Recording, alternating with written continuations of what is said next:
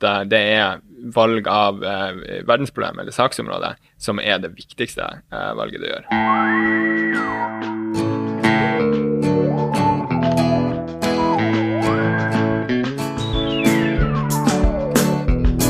Hei alle sammen, og velkommen til Kvartlivskrise. Jeg heter Marius Jones, og dette er en podkast som handler om overgangen til voksenlivet, der jeg, sammen med gjester, utforsker hva som skal til for å leve et intensjonelt voksenliv. I denne episoden snakker jeg med Eirin Evjen og Jørgen Gjønes, som er generalsekretær og assisterende generalsekretær i Effektiv Alturisme Norge. Vi snakker om hva en meningsfull karriere er, og hvordan vi kan gå frem for å finne ut hva vi skal bli når vi blir store. Vi fokuserer her på to hovedspørsmål. Det første er hva er en drømmejobb? Og det andre hvordan bør vi gå frem for å finne og skape vår personlige drømmejobb? Her utforsker vi bl.a.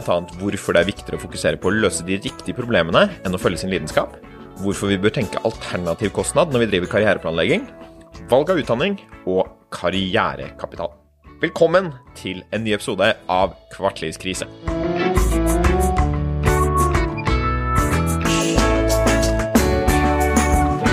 Ærlig, Vi skal snakke om hva en meningsfull karriere kan være for noe. Og eh, med meg for det så har jeg dere to, eh, Eirin og Jørgen, som jobber i Effektiv Altruisme nå. Så velkommen til dere. Takk. Tusen takk. Kan dere si litt om dere selv og hva dere jobber med? Ja, så jeg heter eh, Eirin Evjen, og jeg er generalsekretær i Effektiv Altruisme Norge. Min bakgrunn er i statsvitenskap og spesifikt eh, kunstig intelligenspolitikk. Det var det jeg skrev master om. Og så er jeg også eh, medlem av noe som heter Norsk råd for digital etikk, eller NORDE. Kult. Og det høres ut, Når jeg hører den masteren din, så høres den veldig sånn EA-relevant ut. Så Det høres ut som en sånn strategisk karrierevalgmaster gitt du er nå. Men eh, jeg vet ikke om det stemmer? Eh, Ja, så jeg sto faktisk eh, mellom å skrive inn for kunstig intelligens eller bistandspolitikk. Ja. Som høres kanskje ut som ganske ulike ting, men eh, for meg så er i hvert fall begge to muligheter Altså begge de mastermulighetene tenkte jeg på som muligheter for å ha en positiv forskjell. Og selv om det er veldig forskjellige ting, så er jo det noe som faller under EA-paraplyen begge to, da, som vi også skal komme litt tilbake til hva det er, før vi går inn på karriereløpet. Ja, absolutt. Hva med deg, Jørgen? Jeg jobba som assisterende generalsekretær i, Effektiv Altruisme Norge, og eh, det var mye vi um, sammen med Eirin som, eh, som var de første, første ansatte eh, i Norge. Vi startet i 2018. Um, da var jeg fortsatt ikke helt ferdig med, med studiet. Det er jeg nå, heldigvis. Bra. Eh, takk. Jeg skrev ferdig masteren min i, i vår. Eh, og jeg har gått på NTNU. Eh, studert eh, til å bli sivilingeniør eh, innenfor industriell økonomi og teknologiledelse. Eh, min master har vært innen eh, innen matematisk optimering. Og jeg skrev masteroppgave for, eh, for Sporveien, der jeg prøvde å um, lage en modell som gjør eh, T-banen litt mer effektiv. Så ikke så veldig uh, EA-motivert, men det var en uh, spennende oppgave og en faglig, faglig interessant. Ja, for det, dette er jo også spennende. Vi kommer sikkert tilbake til litt sånn utdanningsvalg kontra jobb og, og hva som er riktig å gjøre der også. For det høres jo, i hvert fall i mine ører, så høres det mindre spisset ut da, i forhold til den jobben du gjør nå. Og kanskje også mot den store EA-missionet. Ja, det, det tror jeg du har rett i. Og så er jo også det å gå induck en sånn eh, legendarisk måte å starte eh, i sin oppbygging av karrierekapital også, som vi kanskje kommer tilbake til. Da. Så Jeg vet ikke om det var noe som du tenkte bevisst på når du gikk over til. For du, du studerte filosofi en stund, gjorde du ikke det, Jørgen? Ja, det er sant. Eh, Ett år før jeg begynte eh, på ingeniørstudiet i Trondheim, så uh, det, Dette var liksom mitt friår, det videregående, så jeg studerte jeg et år historie og filosofi i Roma. Eh, og det var der jeg oppdaga effektiv altruisme. Ja. Men da hadde jeg allerede bestemt meg for at jeg skulle gå sivilingeniør på NTNU. Så jeg kan ikke påstå at det var egentlig begrunna fra, fra det. Men, men effektiv altruisme tok jeg med meg, og sammen med noen eh, klassekamerater så starta vi Effektiv altruisme NTNU, studentgruppa der i 2014. Ja, ikke sant. Og det husker jeg, det var jo min første opplevelse, eller den første gang jeg hørte om effektiv altruisme, var jo også via deg som sto på stand på stripa, tror jeg, på Gløshaugen. Ja. Prøvde å lure folk inn i denne bevegelsen her. Jeg husker jeg og Eirik Mofoss hadde en eh, veldig spennende kaffe med deg på, i kantina. Ja. Uh, det var vi veldig spente på. Vi var jo førsteklassinger og skulle prate med den, eh, eh, lederen av, eh, av Isfit-festivalen. Det var veldig, veldig stas den gang. Jeg husker det også. Og jeg husker det tok litt tid, for jeg syns EU var så lite revolusjonært da. Eh, det, og da tror jeg jeg hadde litt sånn kommunistiske vibber. Og der var det jo litt sånn at vi skulle eh, kjøpe malarianett, som i hvert fall var, var sånn jeg opplevde at EU-bevegelsen var litt i starten. At, at det var det viktigste å gjøre. Og, og karrieremessig da så var det kanskje denne Earn to Give som også var ganske populær. Den tanken om at du skal jobbe egentlig innenfor det bestående systemet og tjene så mye penger som mulig. Og så skal du gi bort alle pengene for å kjøpe et eller annet som kan gjøre livene til folkene i tredje verden bedre. da. Type malarianett eller noe sånt, som også EA virker som har beveget seg ganske eh, langt bort fra nå. Det kommer vi kanskje tilbake til også. Det er kanskje én av mange muligheter. jeg vet ikke. Men eh, jeg tenker vi må kanskje begynne å si litt om den effektive altruismebevegelsen. at dere er jo en del av effektiv altruisme, jobber, jobber der til daglig. og det er jo en bevegelse som prøver å finne ut sånn helt overordnet hvordan vi best kan bruke våre ressurser som på samfunnsnivå og som på menneskeheten som helhet da, for å gjøre verden til et best mulig sted. Og deler av eh, EA har jo også jobbet da med å finne ut hvordan karrierene til folk, eller hvordan vi som individer kan gå frem for å få karrierer, karrierene våre da, til å gjøre en størst mulig forskjell. De kaller det liksom meningsfulle karrierer. Så jeg vet ikke om en av dere vil si litt om hva effektiv altruisme er, før vi hopper inn i ting? Ja, jeg tror noe av det viktigste å få med seg her, er at effektiv altruisme er en, et slags tankesett. Det handler om å finne ut av em, hvordan er det jeg kan utgjøre en størst mulig positiv forskjell på verden. Eh, men anerkjenne at jeg har begrenset med ressurser. Eh, så jeg må finne ut hvordan er det jeg skal prioritere de for å hjelpe flest mulig. Eh, Så det er egentlig det det handler eh, om. Og så ut ifra dette tankesettet så har det oppstått en bevegelse, en internasjonal bevegelse, med ganske mange mennesker nå, som, som prøver å sammen finne ut av hvordan vi kan utgjøre en størst mulig positiv forskjell på verden. Da, hvordan vi kan skape en best mulig verden. Og da er jo karriere en måte å gå frem på det. At, Ja. at folk velger da, for Du kan tenke at du kan gjøre dette på flere måter. Du kan gjøre det litt på fritiden. At du starter en organisasjon, starter EA Norge f.eks. når man er student. Det går an. Eller man kan gi bort penger til en organisasjon som, som er effektiv i, i hvordan de bruker det. Eller så kan man velge en jobb som gjør at man kan gjøre en forskjell. Og det er jo den siste vi skal snakke om nå i dag. Og jeg tenker inngangen da for podkasten del av Kvartlivskrise er jo det at når man skal inn i voksenlivet, så er det jo mange valg man må gjøre. Og kanskje et av de største er jo hvilken karriere man velger å ha. Og det var en sånn oversikt jeg fant fra bloggen Wait But Why, som prøvde å dele inn livet til mennesker i antall timer vi har tilgjengelig. Eh, og der beskriver de, eller den figuren som er foran meg nå, sier at eh, meningsfull voksentid da, som vi har i løpet av hele voksenlivet vårt, er på ca. 250 000 timer. Og så har vi en del timer som går til sånn type sove og vaske seg og liksom logistikk og sånn, som eh, man på en måte egentlig ikke er Man har ikke mulighet til å disponere de som man vil. De er litt gitt. Eh, og så har man en del barndomstimer. Men ut av de 250 000 timene, så går jo ganske mange av de eh, med på jobb. Og eh, den nettsiden som heter 80,000 Hours, eller den organisasjonen som heter 80 000 Hours, heter jo det fordi at de tenker at det er omtrent 80 000 timer da, i en karriere.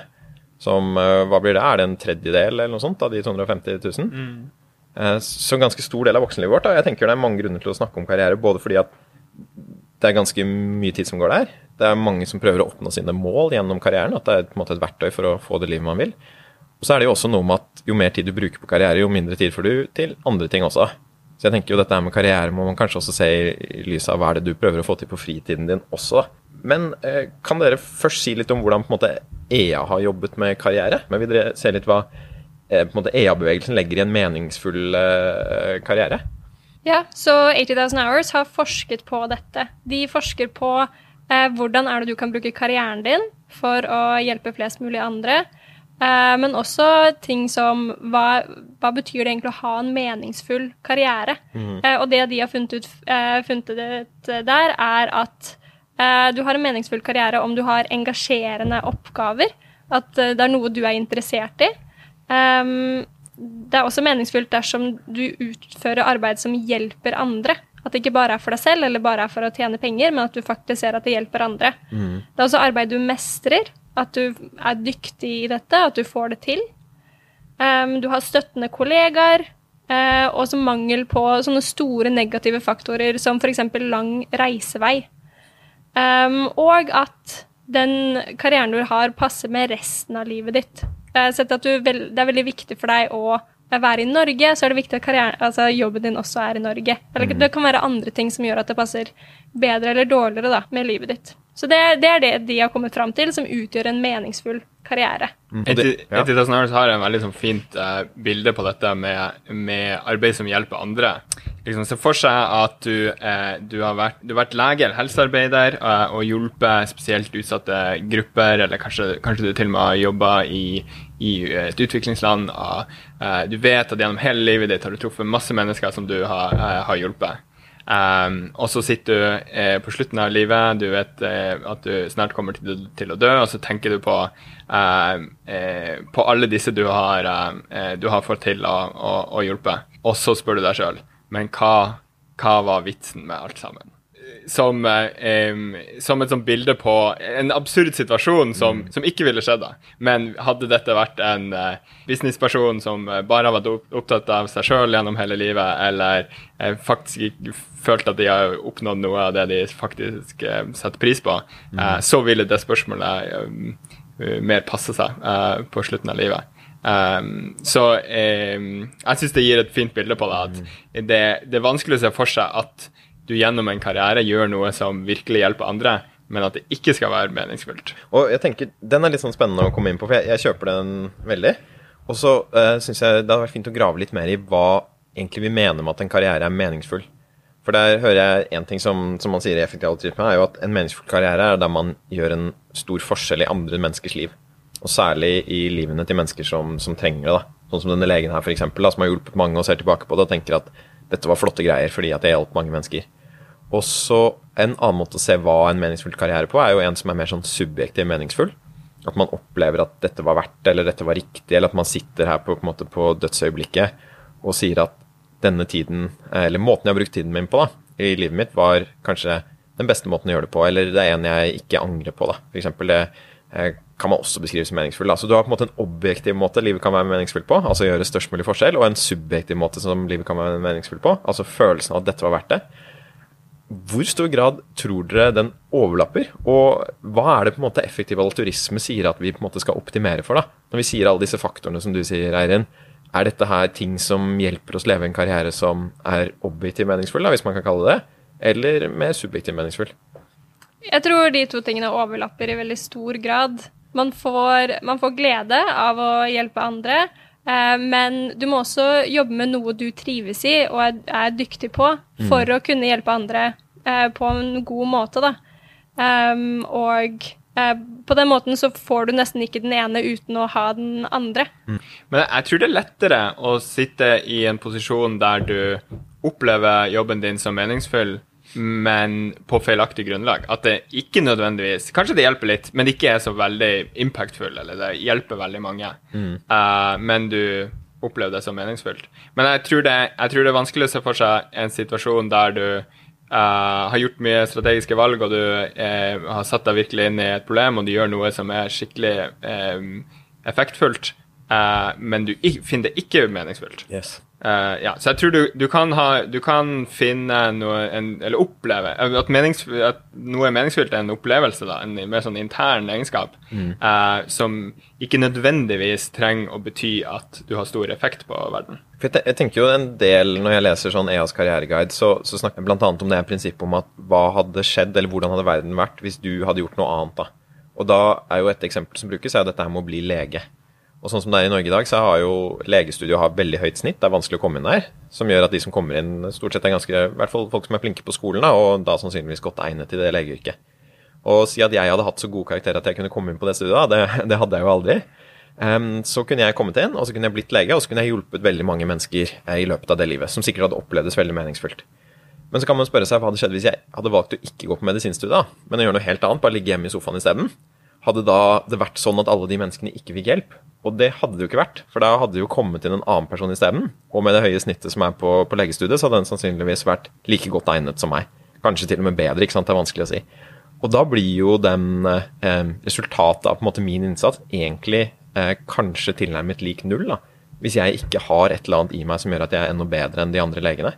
Så det er jo en måte som, eh, som jeg ser at en del i den EA-bevegelsen og under 80 000 Hours tenker på, som er litt ukonvensjonell, og som kanskje tyder på at uh, det er et gap mellom denne objektive meningen, altså objektive forskjellen vi gjør på verden, og subjektiv forskjell også.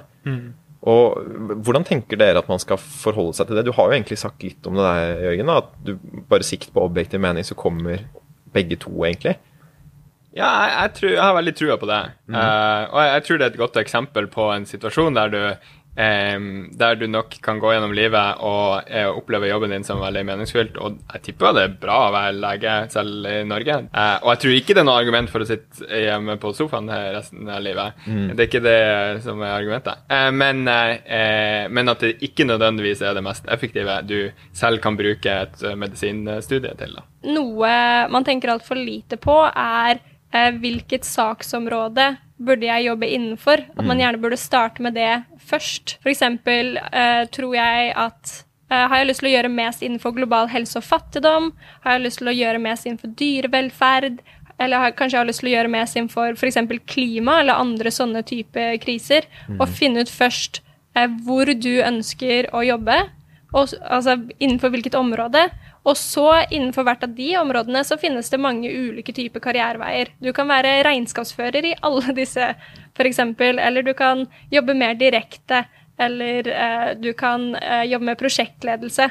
At det er det der å finne saksområdet først. fordi det å mm. finne de tingene du er dyktig på, det kan du gjøre i hver av disse saksområdene. da. Og Er det da også en tanke om at valg av saksområde er det som er det viktigste valget, eh, som, eller for å styre hvor mye påvirkning du har? da? At gitt at du velger riktig saksområde, så kommer du faktisk til å ha stor påvirkning, også hvis du gjør en, på en, måte, en middels jobb og er middels dyktig? Ja, jeg tror, jeg tror, forskjellen på hvor dyktig du er på en spesiell oppgave eller i en spesiell, spesiell rolle, mm. at vi da snakker om liksom eh, prosenter, eller kanskje du er dobbelt så flink som, eh, som eh, liksom the average person. Eh, men eh, forskjellen i effekt på hvilke saksområder du jobber på, og, og eh, altså tiltak innenfor det saksområdet, mm. kan være tigangen eller hundregangen eller enda større. Så det er liksom eh, Det overskygger helt da eh, effektforskjellene på, eh, på akkurat hvilken, hvilken rolle ehm, eh, Og de valgene som folk flest bruker mye tid på å tenke på når de skal velge sin eh, karriere. Mm. Eh, og Det er derfor vi ofte prøver å fremme da, at det er valg av verdensproblem eller saksområde som er det viktigste eh, valget du gjør. Ja. Kult. Og for å finne fram til det, så bruker vi et, et rammeverk med tre faktorer. Mm. Eh, det første er skala, altså hvor mange er det som påvirkes innenfor dette området. Det andre er um, hvor forsømt det er, eller hvor neglisjert det er. Altså er det veldig mange andre som jobber innenfor dette området, så er det kanskje ikke så stor marginalnytte eller liksom ekstra verdi da, at én til begynner å jobbe i det feltet. Eh, og så er det siste løsbarhet, eller i hvilken grad er det vi egentlig kan gjøre noe med problemet. For det finnes jo ganske mange store problemer som det er bare veldig vanskelig å løse. Og da er det kanskje ikke verdt at du, at du prøver heller, men heller prøver noe som er litt eh, enklere å få løst. Kult. Har du et eksempel på et problem som scorer høyt på alle de kriteriene? Ja, egentlig alle de tre jeg nevnte, til og med global helse og fattigdom, dyrevelferd og eh, mer sånn langsiktige problemer som klimaendring. Mm. Eh, så f.eks. innenfor eh, global helse og fattigdom, da, så eh, er det, det er altfor mange fattige eh, i verden, så vi vet at skalaen er veldig høy. Det er veldig mange som lider av sykdommer eh, som de ikke behøver å lide av, og det er veldig mange som er fattige. så det er skala. Og så, når det kommer til hvor eh, forsømt det er, det er en del områder innenfor global helse og fattigdom som fortsatt er neglisjert. F.eks. neglisjerte tropesykdommer. Mm. Ja, Der ligger det jo litt i ordet. Og det er sånne litt ekle sykdommer som ormer og sånt, som ser veldig ekle ut på bildet. Jeg anbefaler ikke å, å, søke det opp. Ja, de blir gjerne um, nedprioritert, da. Mm. Uh, og den type sykdom er også kjempelett å gjøre noe med. Egentlig så trenger man bare en kur som er mm. kjempebillig uh, og lett å distribuere, og vi har kuren. Men det eneste vi trenger der, er å donere til organisasjoner som kan distribuere denne kulen. Mm. Så godt eksempel på, på noe som ja, passer godt inn der, altså. Mm. Og, og, der har du jo det med eksempelet om at hvis det er et problem som veldig mange andre jobber med, så er det kanskje ikke så mye forskjell vår neste innsats kan gjøre. Eller at mm. grensenytten av både innsats og penger blir ganske lav også. Gjør det at f.eks. Jeg tenker, jeg syns det er mange av mine mer idealistiske venner som tenker at de skal engasjere seg i klimasaken, f.eks., og ha en jobb som er nyttig i forhold til det er, er, har EA på en måte en tanke om at det der er ikke så viktig å engasjere seg for? For der er det allerede så mange om beinet. For det er jo, eh, det er jo absolutt et stort problem. og det er også et problem som det virker som vi kan løse. Men så er det mange om beinet, og vi har kanskje gjort uh, mye av de, de på en måte lagtegnende fruktene allerede plukket. da. Ja, jeg tror du er inne, inne på noe viktig. og um, De fleste ja, organisasjoner sin, sin liksom, posisjon for, for klimasaken er, er, litt nyansert. Mm. Um, så jeg anbefaler mest å, å, å, å søke det opp på, på f.eks. hos 80,000 Hours. De skriver godt om dette. Fordi eh, du har helt rett på På en side så er, eh, er vi mindre opptatt av, av eh, klima enn eh, skulle du si, gjennomsnittlig idealistiske eh, ungdommen, skulle du si. Nettopp av den hovedgrunnen. Det er så mange andre kjempeflinke folk eh, og eh, organisasjoner og stater som, som, er opptatt av det. Men det, men det er en liksom, underdimensjon av, um, av klimaendringer som vi mener er neglisjert. Um, og, det er, um, og det er ekstrem global oppvarming. Mm. Så da snakker vi om oppvarming på 6% pluss. Eh, poenget eh, vårt her er at selv når du liksom ser på i PCC sine rapporter, eh, så ilegger de eh, ikke 0 sannsynlighet for disse eh, scenarioene eh, på 6, 6 graders oppvarming. Og det betyr at vi ikke kan avskrive dem som som liksom umulige. Mm. Eh, og som andre lav sannsynlighet, men veldig ille. Sånn som altså, flykrasj, eller hvis du krasjer med bilen. Altså, vi tar på oss bilbelte. Mm. Det er verdt å bruke noe ressurser. Ikke alt, og vi burde ikke krisemaksimere, vi burde ikke overdrive hvor sannsynlig det er, men det er ikke null sannsynlighet. Mm. Uh, så vi mener at det er det, Forholdsmessig så brukes det for lite ressurser uh, og forskning på uh, effektene og metoder for å mitigere risiko for ekstrem global oppvarming. Ja, for det er et godt eksempel. Da. Så lenge på en måte det potensielle nedsiden er stor nok, så blir det nesten verdt det ja. uansett. Da. Og her er det snakk om at alt sammen går i dass, liksom hele jordkloden. Eh, så da blir det kanskje verdt å gjøre en innsats selv om eh, forskjellen man gjør som individ ikke er så stor. Og det kan være at eh, hele innsatsen din ikke har noe å si også, da. Ja. ja. Og det, det, finnes dessverre litt for mange andre gode eksempler på, mm. på sånne type risikoer også. F.eks.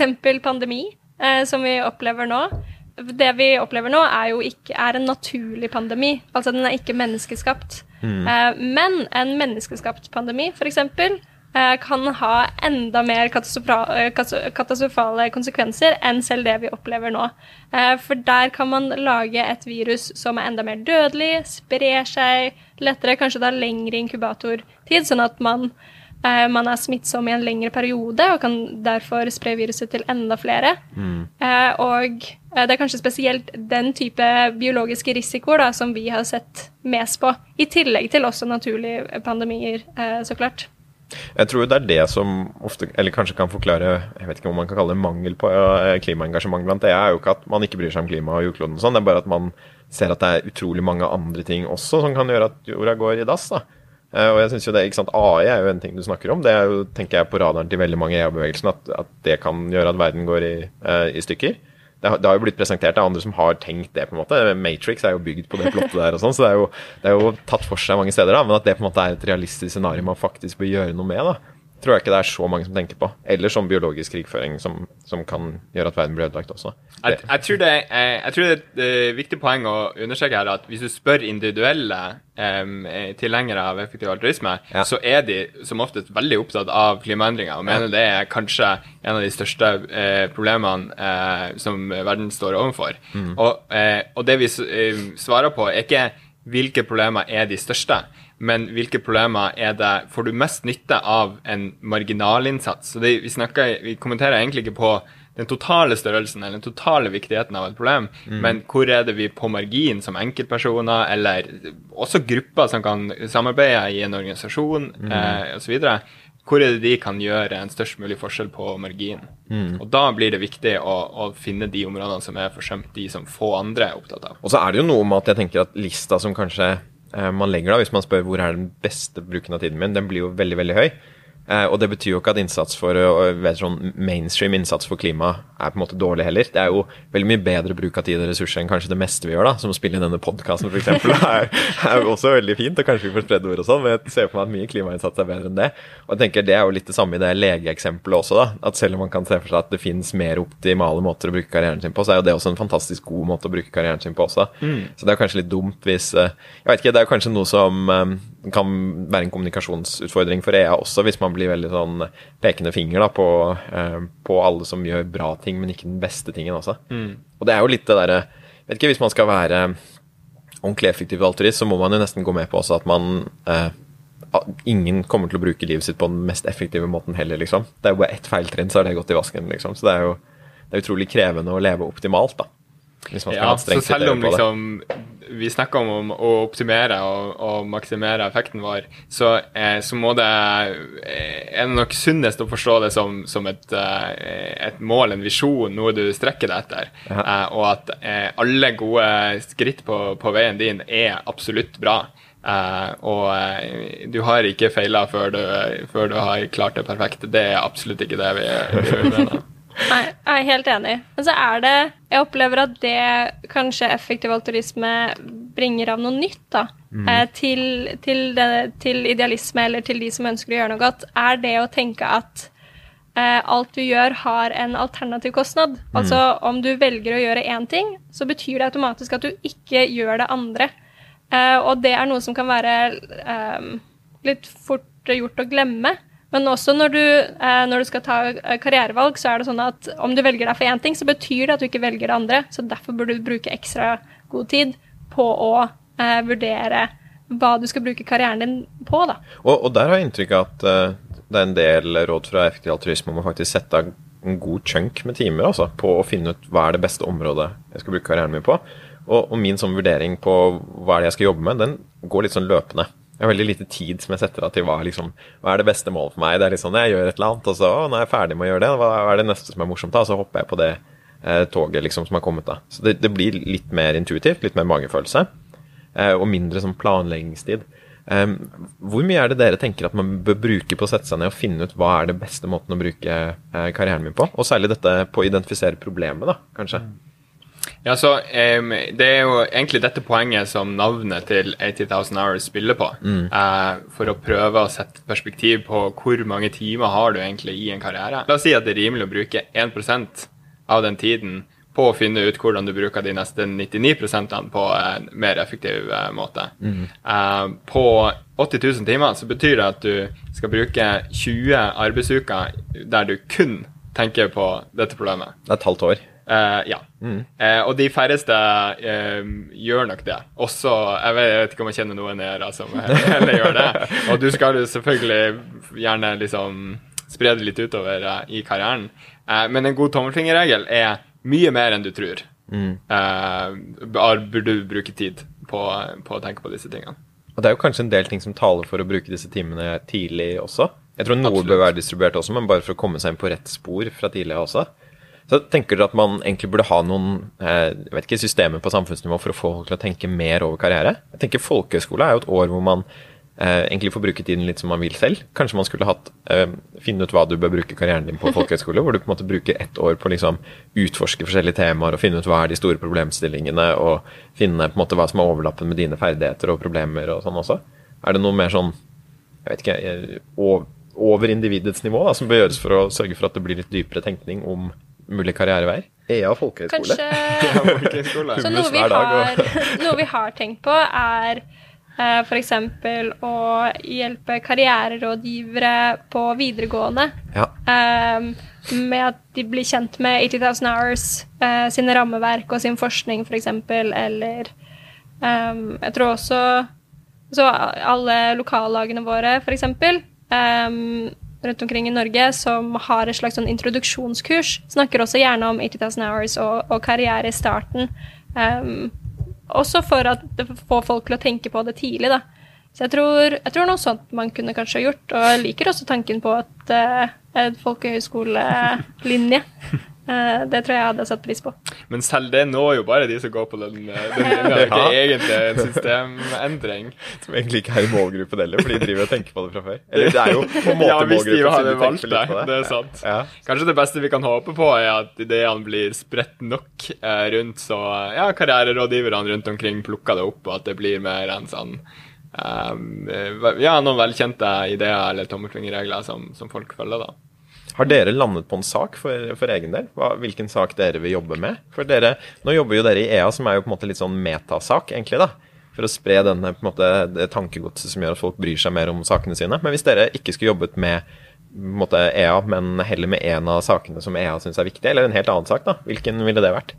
For min del så hadde det nok vært eh, det vi kaller langsiktig fremtid, eller arbeid for fremtidige generasjoner. Jeg føler at jeg har til en viss grad eh, et slags komparativt fortrinn, altså at jeg har eh, noen erfaringer og egenskaper som gjør at jeg tror det hadde vært spesielt bra for meg å jobbe der. Og så syns jeg også at det er et saksområde som i stor grad trenger flere folk, da.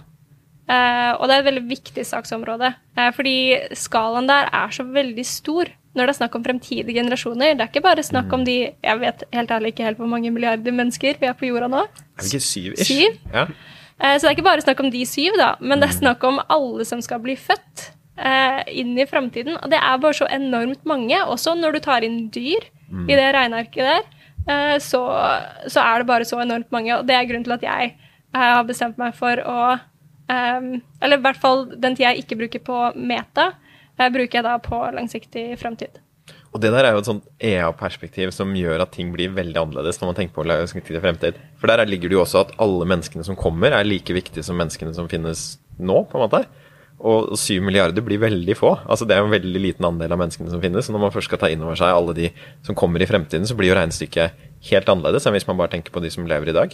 Og, og hva slags saker er det du jobber med hvis du tenker på langsiktig fremtid? Er det da å unngå at uh, hele verden går i dass, eller er det, er det andre ting som oss gjør på? For det, akkurat verden går i dass, eller eksistensiell risiko, da, som det heter kanskje på ordentlig, Ja. det er jo noe som EA-bevegelsen jobber ganske mye med, og som kanskje ikke så mange andre er så opptatt av. Ja, det er, eh, det er et ganske forsømt eller neglisjert felt. Akkurat den type risiko som er, kan gå utover menneskets eksistens.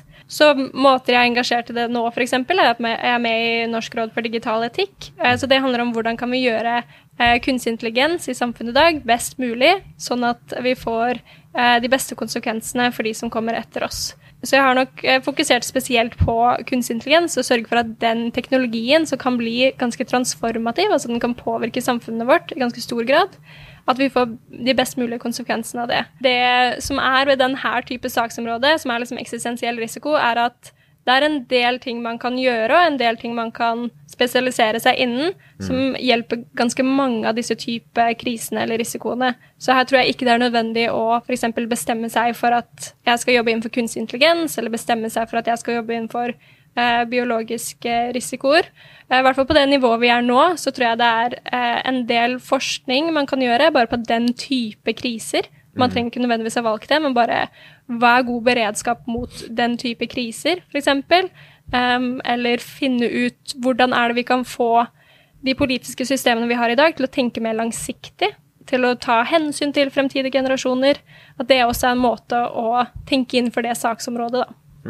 Og så vet vi jo ikke helt hva som kommer til å ta livet av oss heller, da. Eller hva de største Det er jo noen sånn ukjente ukjente her, da, som man kanskje sier også. At uh, vi vet at det er, ja, vi har snakket om pandemi, eller kun, uh, sånn kunstig intelligens kan ta livet av oss. Atomkrig er vel kanskje på radaren også, og Ja. meteorer og asteroider. Men det er sikkert andre ting som vi ikke på en måte har forutsett her også i dette rommet, da, som kanskje kan eh, ta knekken på alle sammen. Absolutt. Så, no, så noen generelle framgangsmåter som å styrke institusjonene våre, eh, passe på at vi har gode backup-systemer for liksom, tekniske ting, for matforsyning, for energi, em, for eh, ja, politiske beslutningstakning, eh, øke samarbeid internasjonalt.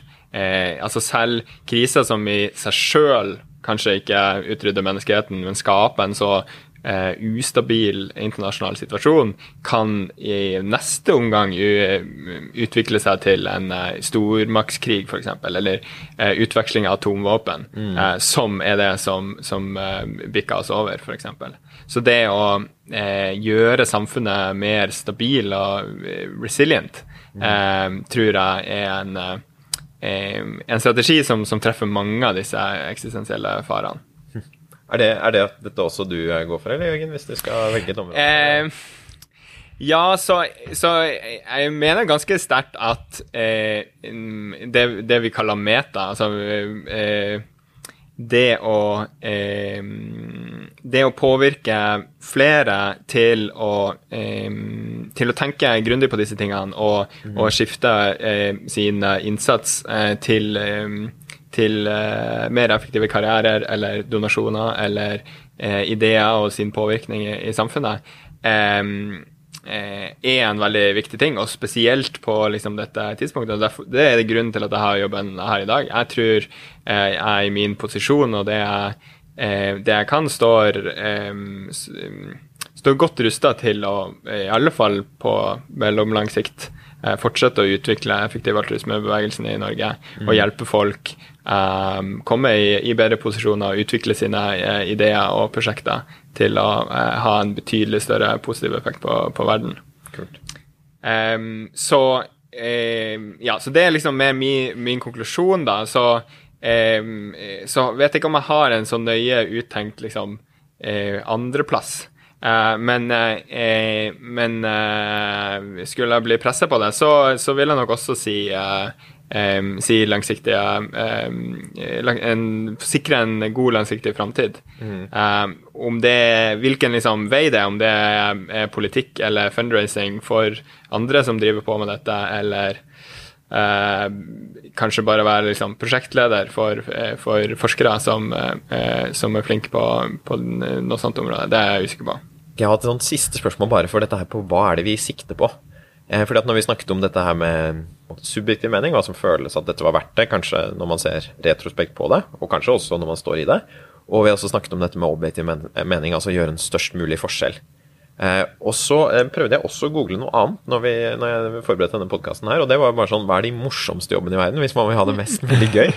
og da kommer det opp en del andre ting, sånn som videogame-designer, eh, motekonsulent, DJ, eventplanner, eh, kjøre racerbil, pet-groomer, altså en som pleier kjæledyr, og litt mer sånn der koselige, sånn low-key, ikke veldig effektive alterismejobber. Som, er, er dette rapportert av folk som har disse stillingene?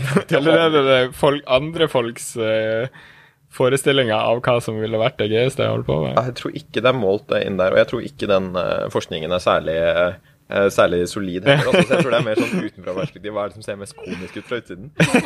Men jeg tror liksom poenget der var at liksom blir målet, eller blir hva vi, hva vi, gjør, annerledes? Hvis vi tenker at ok, mening er nå én ting, men jeg har egentlig bare lyst til å le mest og ha det mest mulig gøy på Kanskje ikke le mest heller, da. Det er jo ikke sånn at latter skal ha så forrang, da, men bare uh, å ha det mest mulig morsomt fra dag til dag. Tror dere deres karrierer og deres tanker på hva som er på en måte en god karriere, hadde endret seg veldig hvis man tenkte at det var det som skulle være målet istedenfor? Jeg har det skikkelig gøy på jobb, jeg. Ja, og jeg ser ikke motsetninga. Nei, men jeg tror, jeg tror det Eh, når jeg tenker på gøy, så tenker jeg bl.a. på det å komme inn i flytsonen. Altså det å um, Der hvor alt bare klaffer. Jeg, jeg, føler på mestring. Jeg mm. blir akkurat passe utfordret. Um, jeg ser verdien og effekten av det jeg gjør.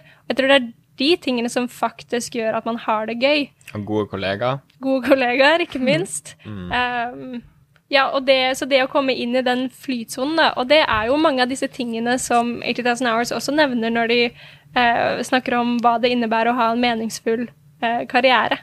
Forskninga viser at disse tingene er viktige for at folk eh, eh, sier at de trives liksom, i hverdagen på jobb. Mm. Jeg, jeg, tror ingen går på jobb og liksom ler gjennom hele dagen, uansett hvilken jobb de har. Selv om du er pet groomer. Ja, selv om du er pet groomer. eh, men, men, om det liksom er litt med sånn bredere grep som trivsel, så, så, er det disse tingene som er viktige. Mm. Og der, der, høres det ut som det er noe fint, altså det høres ut som det er eh, noe med dette å, å, gjøre noe godt som kan bidra til en følelse av mening. Og så er det mange ting du kan få litt uavhengig av hva du egentlig jobber med. da. Mm. Som du jobber i EA, eller om du er en pet groomer, eller om du jobber i eh, et stort konsulentfirma, eller hvor det skal være, da, så er det en del ting som, som du kan få som handler om mer om hvordan du legger opp arbeidshverdagen din mm. også. Og, og, vi har snakket litt om det her med sant, engasjement og kolleger og, og, de andre punktene som dere nevnte. Hvilke ting er det dere tenker på som på en måte gjør at deres jobb er best mulig, som dere på en måte har et vet ikke, en sånt vet ikke, intensjonelt forhold til? Da? Er, er det noen av disse her tingene som dere tenker er særlig viktige, og som dere jobber for å få på plass? Altså gode kolleger får man kanskje når man starter i EA, og det så ut som dere hadde veldig hyggelig oppe på kontoret der. Eh, er, det, er det andre av de tingene som dere liksom har, har gjort noen grep for å sørge for at er på plass i deres arbeidshverdag? Hva skal jeg si, den, den personlige friheten til å organisere egen hverdag eh, og eh, være med i eh, beslutningsprosessene om hva vi skal fokusere på eh, liksom det neste kvartalet, det, det er veldig viktig. Den med, medbestemmelsen eh, tror jeg er viktig, og jeg tror, jeg tror ikke det bare gjelder meg. Ja, og at det, det, også bidrar til mestringsfølelse. Du velger gjerne å jobbe med de tingene du ønsker. og eh, som er passelig utfordrende, og som du lærer mer av. Mm. For min del så er det det, og um, jeg tror du nevnte det i stad, dette med karrierekapital. Altså det å tenke uh, hva er det jeg kan lære og erfare i denne jobben som gjør at jeg uh, kan få en annen jobb i fremtiden. Mm. Og den annen jobben håper jeg har enda større impact, eller at jeg kan utgjøre enda en uh, større positiv forskjell. Da. Så vi fokuserer en del på Um, det å øve på uh, spesifikke ferdigheter eller egenskaper, eller dra på kurs uh, og sånne ting, som jeg opplever gjør jobben min mer meningsfull, men også at jeg blir stilt i en bedre posisjon da, når jeg etter hvert, uh, om, om, forhåpentligvis lang tid, skal bytte jobb. For det Begrepet karrierekapital er jo litt interessant og brukes ganske mye også når man leser 80,000 Hours sine sider. Og sånn som jeg har skjønt det, så er det kunnskap, nettverk og egentlig CV-mat som gjør at du står bedre stilt når du skal mm. bevege deg videre i karrieren også. Eh, jeg vet ikke om en av dere vil si litt om eh, hva slags plass det begrepet karrierekapital har i, i 8000 Hours sine tanker om hva en god karriere er. For jeg har i hvert fall inntrykk av at noe de sier, er jo at i starten av en karriere så trenger du egentlig ikke å, å, bry deg om å gjøre noe meningsfullt. Du må bare på en måte skaffe deg den karrierekapitalen som skal til for at du i fremtiden kan gjøre en skikkelig skikkelig stor forskjell. Ja, jeg tror, jeg tror det er li, eh, litt for mye satt på spissen å si at du ikke trenger å bry deg om å gjøre noe meningsfullt. Mm. Eh, men, men, det er riktig at um, eh, det er ikke tidlig i karrieren du har størst um, impact. Uh, og, det, og, det, sier seg kanskje sjøl fordi at det er senere i karrieren du bygger på den erfaringa du har bygd deg tidlig, og det er da du bedre kjenne hva er det du er god til, du stikker i en bedre posisjon, um, og har liksom eh, skulle du si eh, påvirkningskraft på, på, på mer ressurser.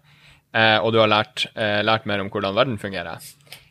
så derfor er det forholdsvis viktigere å fokusere på det de kaller karrierekapital, som er ferdigheter og kunnskap um, connections, altså nettverking, eller kjenne folk. Mm. Og det er ikke bare liksom eh, tvungen mingling på, eh, på en konferanse, men liksom alle små og store connections du har, um, har gjennom jobben.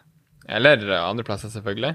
Um, og, og, credentials, eller CV-mat. Altså signaler som, uh, som, er lett å kommunisere, mm. uh, og som viser hva du kan, og som er er, er både liksom troverdige og, og imponerende.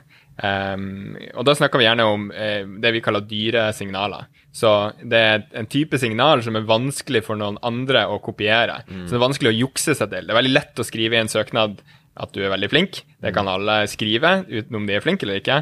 Men hvis du eh, kan vise til et eller annet prosjekt eller noe du har oppnådd som, eh, som uh, har en tydelig, imponerende eh, effekt, mm. um, det, det, er det vanskelig å fake, da. Så, eh, så prøv å finne sånne dyre signaler som sier noe om, om hva, eller hva du er flink på.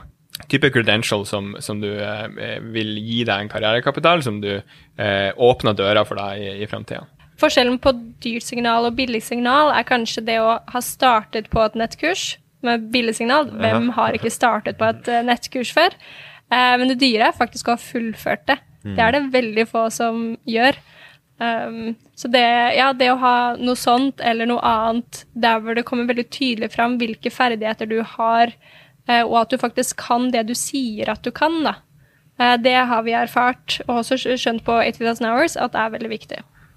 Og, og, der er det jo ikke sant, at det kan være også gå et godt studie og få gode karakterer også, ja. og mm. ha godt, eh, en god attest fra en jobb også, som kanskje er lurt mm. å få tidlig. Og jeg, jeg, jo, eller jeg opplevde det veldig for egen hånd, det at uh, jeg begynte å jobbe i Deloitte etter jeg var ferdig på, på, studiet, som jeg tror er en veldig sånn typisk uh, karrierekapitaltrekk. da, hvis man, skal, mm. uh, hvis man skal få mye av det, så er det veldig lurt. Eller konsulentbransjen trekkes fram som et sted som er ganske godt å gå inn i der også. Og det syns jeg rimet veldig, sånn med egen erfaring også, at når jeg var ferdig der, så hadde jeg et hav av muligheter som jeg ikke hadde fått rett ut fra studiet også. Og jeg tror jo kanskje det, hvis jeg hadde gått for å på en måte eh, maksimere min forskjell for verden, så tror jeg kanskje det egentlig hadde vært et riktig grep, altså. Bare fordi at, at på en måte eh, menyen av alternative jobber etter det var så veldig, veldig mye større enn før det, altså. Så jeg Ja, det kan være en god inngang til det. Um, nå har vi snakket om en del om liksom, som, uh, ting på jobben. Både må gjøre en stor forskjell, opparbeide seg karrierekapital, eh, autonomi, gode relasjoner og sånn også. Og um, her er det jo egentlig ganske mye sånne ting som, som ikke Litt av det handler om hvor du jobber. Altså du må finne drømmejobben, men mye av det handler jo også om liksom, å skape eh, drømmejobben, tenker jeg også, da. Litt avhengig av hvor medgjørlig sjef du har, kanskje. da. Men eh, når jeg tenker på sånn eh, motivasjonsteori, for eksempel, da, for der går man jo egentlig inn på en del av de samme konseptene. Og en sånn eh, motivasjonsteori som har fått ganske mye sånn plass i det siste, er det som heter sånn selvbestemmelsesteori. Eh, Daniel Pink har denne boken som heter Drive, som, som bruker den. Det kommer originalt fra um, to forskere som heter Desi og Ryan. Hvor de sier at det som gjør at mennesker er motiverte og opplever ting som fint og hyggelig, er autonomi, mestring og mening. Så og I den siste så, så brukes både mening, og av og til så brukes um, dette her med tilknytning til andre. Da, så man kan kanskje si at det er fire ting egentlig som gjør det der også. Mm. Så autonomi at vi er på en måte har opplevd frihet. da. Ikke at vi bare skal bestemme selv, men i hvert fall at vi føler at vi har kontroll over hverdagen vår. Mestring, som er at vi opplever at vi lærer og utvikler oss og bruker våre beste sider, som ligner litt sånn på karrierekapital. Og, og mening, at vi føler at vi gjør noe bra, som gjør en forskjell for verden. Og så da kanskje kolleger i tillegg også, da. Um, vil dere si litt mer om, om andre tanker dere har om hvordan man liksom kan skaffe dette her på en jobb? Og dere har jo en arbeidsplass som det virker som dere utformer ganske mye selv også, egentlig. da, At dere kan gjøre noen valg der, siden det er dere som, som bestemmer hvordan ting skal være. Er det noen grep dere gjør for å sørge for at måte, arbeidsplassen der er um, så, så god som mulig, da? Eller på en måte tilfredsstille de kriteriene om hva som, som gjør en god jobb? Så vi, eh, vi er veldig bevisst på eh, at det er vi som, som har styringa. Eh, vi er selvfølgelig ansatt, eller er en ansatt av et styre, og vi har en formålsparagraf å, å forholde oss til. Eh, men utover det så har vi veldig stor frihet på liksom, hverdagen. da. Mm. men det å innse det, eller liksom ta det på alvor, at vi må, vi må ordne eh, jobbhverdagen sjøl, og sette opp de systemene som skal til for at eh, vi trives med disse tingene, og at vi eh, vi har gode liksom, forventningsavklaringer eh, for å unngå eh, konflikt. eh, at vi har gode liksom, sosiale relasjoner på, på jobben. Og alle, alle disse tingene som, som er viktige. De kommer ikke, seg- ikke av seg sjøl hvis uh, det er du som har ansvaret for å, for å eh, skaffe det. Um, så uh, uh, ja, jeg vet ikke. Det vil jo være sikkert forskjellig med hvilken situasjon man er i, men jeg tror i alle fall i alle liksom, kunnskapsarbeidere eh, i Norge eh, vil i stor grad ha en sånn frihet, og dermed liksom, ansvar for å, um, for å sette opp uh, Ordne det til eh, for seg sjøl. Eh, og jeg tror selv de som har en sjef over seg, har nok stor frihet til å foreslå eh, tiltak for å gjøre, eh, gjøre arbeidshverdagen bedre. Jeg tror noe av det beste jeg har gjort, er å få en coach. Altså Ja, ha eh, jevnlige møter med en person der hvor vi eh, Altså hun hjelper meg å tenke på hvordan være god, en god leder. Eh, både i organisasjonen, altså vi har jo over 200 medlemmer, hvordan kan jeg være en god leder for dem? Eh, men også for de ansatte. Hvordan er det jeg kan eh, sørge for at de har det bra på jobb, og, eh, og gjør en god jobb. Uh, Så jeg syns det har vært veldig fint. Jeg har også deltatt på noen uh, lederkurs uh, og litt sånne ting, og har fått ganske mye ut av det. Um, mye fordi vi har hatt en veldig sånn eh, deliberate, i mangel på et norsk ord, holdning til det. da. At eh, jeg ønsker å lære, og er veldig bevisst på at det jeg lærer i denne jobben, blir veldig viktig for min neste jobb. Kult. Nei, jeg, jeg tror det der er, viktig å, liksom, å, å ta litt sånn grep der på egen hånd også. Og jeg, jeg merker når jeg, når jeg tenker på autonomi på jobben selv, da, så er jo jeg kanskje en jobb hvor jeg har maksimal autonomi eh, gjennom å ta en, ta en doktorgrad. Det er veldig mye tid som jeg styrer selv. Eh, og så føles ikke alltid den hverdagen så autonom allikevel. For jeg tror jeg klarer å på en måte tvinge på meg selv en del sånne rammer som jeg kanskje ikke har godt av ellers òg, da. Og det samme tror jeg er sånn også når jeg ser på, på konsulentene, eller på, tenker tilbake på den tiden som jeg jobbet som konsulent i Deloitte, da, så var det ganske stor forskjell på opplevd autonomi blant vi som var konsulenter der. Og det tror jeg hadde mindre med lederne å gjøre, og, og hvilke prosjekt vi var en del på, og med hvordan vi klarte å måte skape det rommet i hverdagen generelt også. Um, og det er sånn, Jeg snakket med en, en kompis som, som snakket om sin jobb, og um, sa noe som jeg tror var ganske lurt. For han sa at um, det med en, en, drømmejobb er liksom et drømmeforhold. Det er ikke noe du finner, det er noe du skaper. Mm. og det er jo, ikke sant, det er jo Seleksjon er også viktig her, da, at du velger den riktige jobben. Mm. Og også da med å velge den riktige partneren hvis du skal ha et drømmeforhold. Men jeg tror det er ganske mye sånne små ting man kan gjøre som en del av jobbhverdagen sin også, for å sørge for at du på en måte skrur opp ting på de eh, parameterne som faktisk teller. da. Og Der er det jo veldig bra å kunne bruke den 8000 hours, 8000 hours nettsiden nettopp for å gå inn og se på de kriteriene om hva er det faktisk som forskningen viser at skaper en drømmejobb, og så si ok, hvordan er det jeg kan gjøre små knepp da i hverdagen for å sørge for at de der går litt mer opp også. Mm. Ja, og noe 80,000 Hours anbefaler, er å prøve å få um, en leder eller noen andre på jobb til å ha tett oppfølging Eh, av deg, mm. og gjerne gi hyppige tilbakemeldinger. Men at dette kanskje er noe man må be om, da. Og det kan være vanskeligere for, eh, for noen, kanskje, eh, å be om. Den lille erfaringen jeg har som, som leder nå, i hvert fall, er at jeg blir kjempetakknemlig om en av mine ansatte spør om mer tilbakemelding eller sier 'hei, jeg har lyst til å lære dette' mm. og trenger litt oppfølging. Enten så kan jeg gi oppfølgingen selv, eller kanskje jeg kjenner noen som kan gi det til dem. Men jeg forstår at det kan være en terskel der.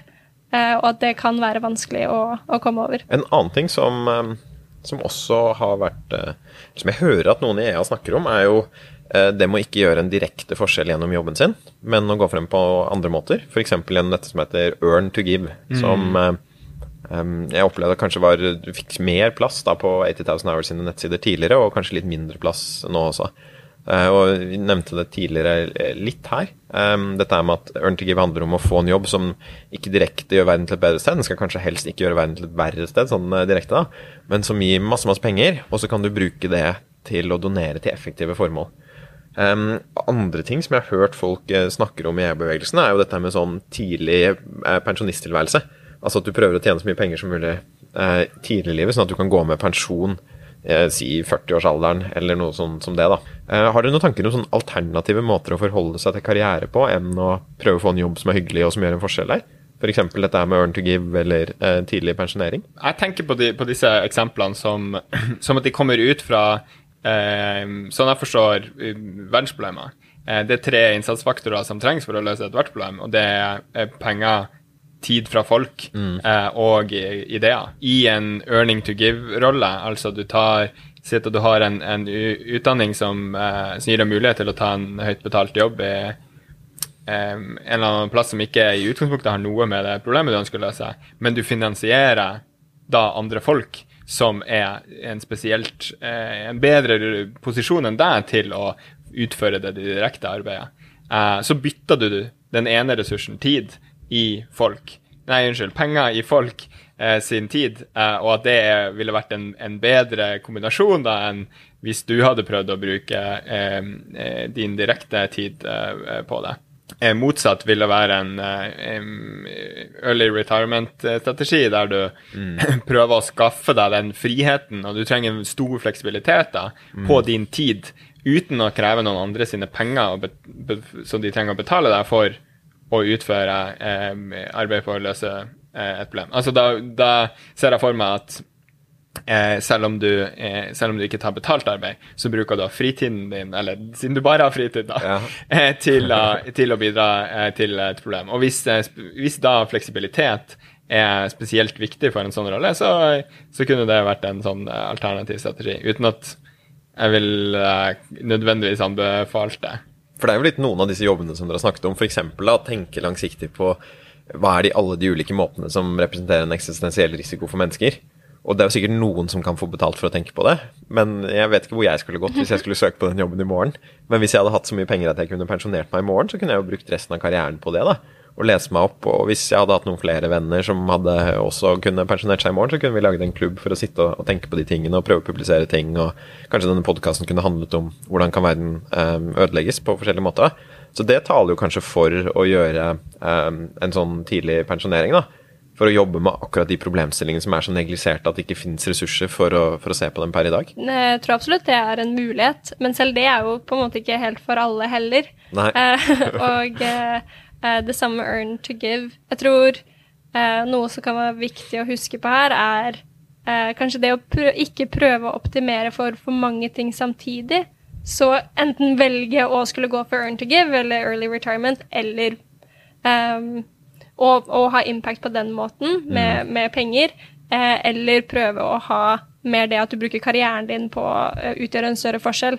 Eh, for det vi ser, er at eh, folk som eh, eh, lager en startup, f.eks., der hvor de prøver å både tjene masse mulig penger og ha en, eh, ha en stor impact med den startupen sin, at det er veldig vanskelig å få til begge deler. Ja.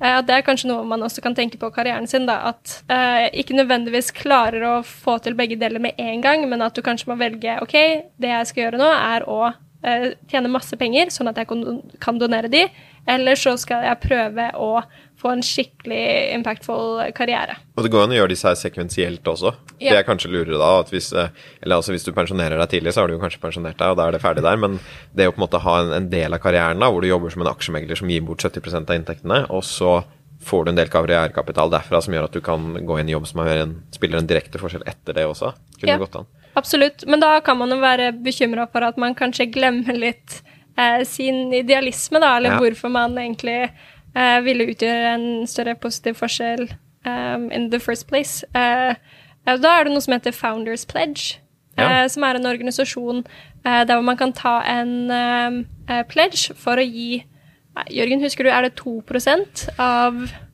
Ja, av det er vel inntekten du får når du selger startupen. Det er minst en prosentandel. Det kan Ja. godt hende det var to.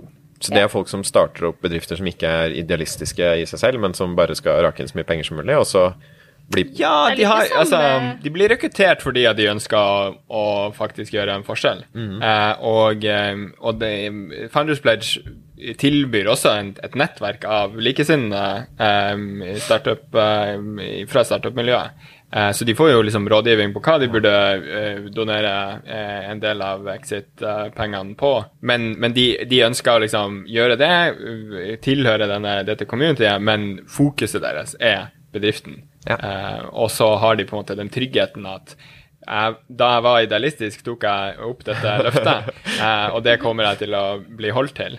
Eh, fordi det er en, faktisk en juridisk bindende kontrakt de, de inngår i det tilfellet. Så du er litt redd for ditt fremtidige selv, som kommer og blir mindre realistisk og skikker kjeppene i Du løser det koordineringsproblemet. Ja. Og det er også derfor vi har eh, Effektiv altruisme Norge, at vi ønsker å skape et fellesskap for de som eh, ønsker å gjøre godt eh, med karrieren, pengene eller fritida si.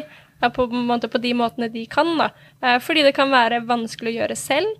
Og det kan være vanskelig å gjøre over tid. Så Derfor ønsker vi å ha et fellesskap med folk der hvor du kan møte likesinnede, der hvor du kan få hjelp. Vi tilbyr hjelp på ulike måter for å hjelpe deg å finne ut hvordan du kan gjøre det, og faktisk holde, holde deg til planene dine.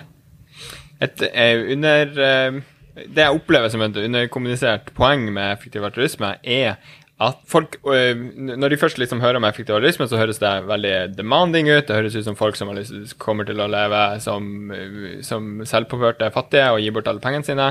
Eh, faktisk så er det ikke sant. De aller fleste effektive altruister gjør ikke det. Eh, og det er heller ikke eh, det viktigste. Så eh, det som er så revolusjonerende, mener jeg, er at det er så enormt stor forskjell i hva du bruker pengene dine på, eller hva du bruker tida di på. At det er et mye viktigere spørsmål enn om du velger å donere eh, 1% eller 5% eller 10% eller 70 eh, Fordi det er, det er alle Altså eh, vi snakker om liksom 100 000 ganger forskjell i effekt på en normal, en liksom gjennomsnittlig veldedig sak og de aller mest effektive. Det er det viktigste spørsmålet å tenke på, ikke eh, om du treffer helt riktig prosentandel av tid eller penger. Og gjelder det samme også når man tenker karriere? Er det analogt der at um, forskjellen på Hvis du tenker deg om og, og går inn i det riktige området, så kan du gjøre en 100 ganger forskjell der i forhold til en vanlig karriere også?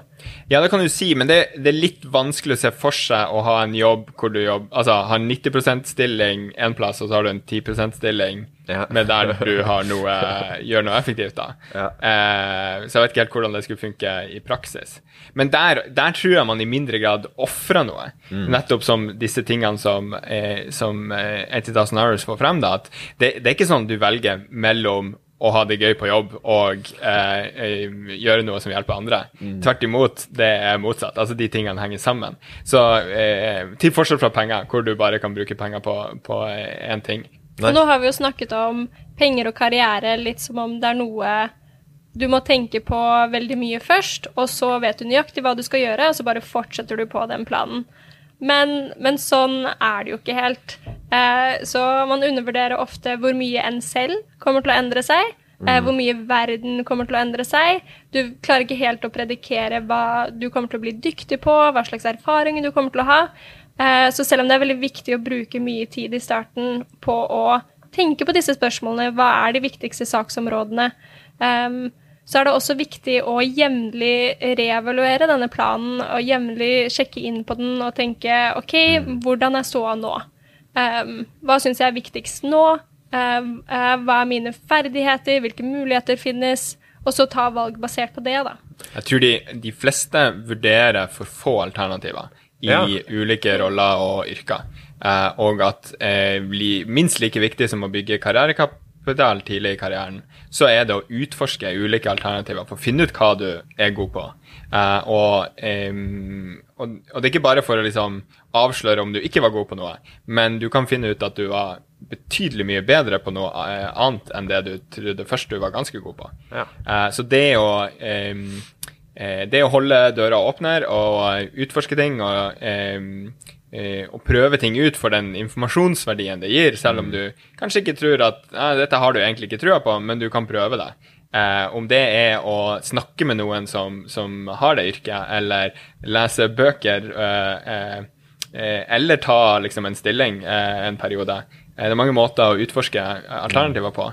Um, og eh, ja, og det, det kan fort være ting du i utgangspunktet ville tenkt nei, det er jo ikke noe for meg, eller det passer ikke min utdanning til, eh, osv. Jeg, tror, eh, jeg tror folk undervurderer hvor mange ulike roller man, man kan ta. Og det er jo veldig fint at utdanning ikke er bindende. Eh, og så er det jo også noe med Når du sier dette her, så tenker jeg også at det er jo litt sånn synd at utdanningssystemet er utformet som det er, hvor du skal bestemme deg for hva du skal bli når du blir stor når du går ut av videregående. Hvem er det som stoler på den eneste beslutning man tok når man gikk ut av videregående, eller var i den alderen man gikk ut av videregående? Det er jo ikke Altså Hvis man snakker om denne koordineringen mellom fremtidig og tidligere selv, så er det jo veldig teit at en så ung person skal få bestemme hvordan man skal bruke livet sitt også. Um, og der vil jeg faktisk slå et slag for Dragvoll, hvor jeg gikk. Um, hvor jeg faktisk fikk lov da til å gå et uh, samfunnskunnskapsstudie. hvor uh, jeg gikk førsteåret i sosialantropologi. Og andreåret studerte jeg arabisk, og tredjeåret studerte jeg samfunnsøkonomi. Og så gikk jeg da ut av den bacheloren med en bachelor i samfunnsøkonomi. Fordi at jeg faktisk ikke krevde så veldig mange studiepoeng innenfor det du skulle få bachelor i. Det holdt med en 80 eller et eller annet sånt da, for at du faktisk eh, skulle få den. Og det syns jeg er veldig synd, at det er så mange utdanningsprogram som, som er på en måte profesjonsstudier som du må velge deg tidlig, og at det er så bindende der også. da. Eh, Jeg vet ikke om dette er en forskjell på hvordan det er i andre land, hvor du har mer sånn liberal arts colleges og sånn også, hvor du på en måte bare lærer tilfeldige ting, da, eller prøver ting.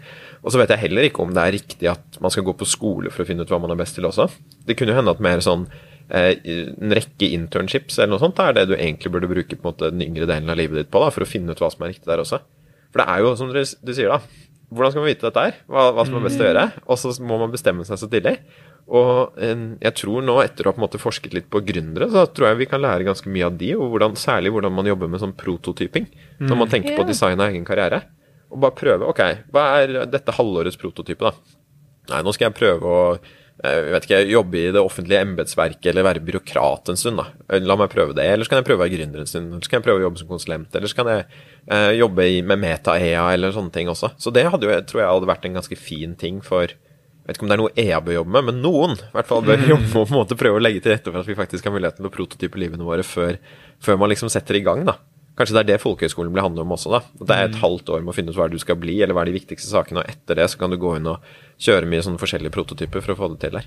Ja, det her høres ut som noe vi må få til, denne Mm. folkehøyskolelinja. Jeg måtte bare Svaret på alt er kanskje folkehøyskoler. Ja. Så jeg gikk også på Dragvoll. Ja. Um, uh, jeg vil også slå et slag på Dragvoll, altså. Um, og jeg startet på politisk økonomi, som er en blanding av statsvitenskap og samfunnsøkonomi. Og så fant jeg ut, dessverre, at samfunnsøkonomi er jo ikke noe gøy. Eh, Hvordan Ja. Okay. eh, nei, jeg bare forsto det ikke.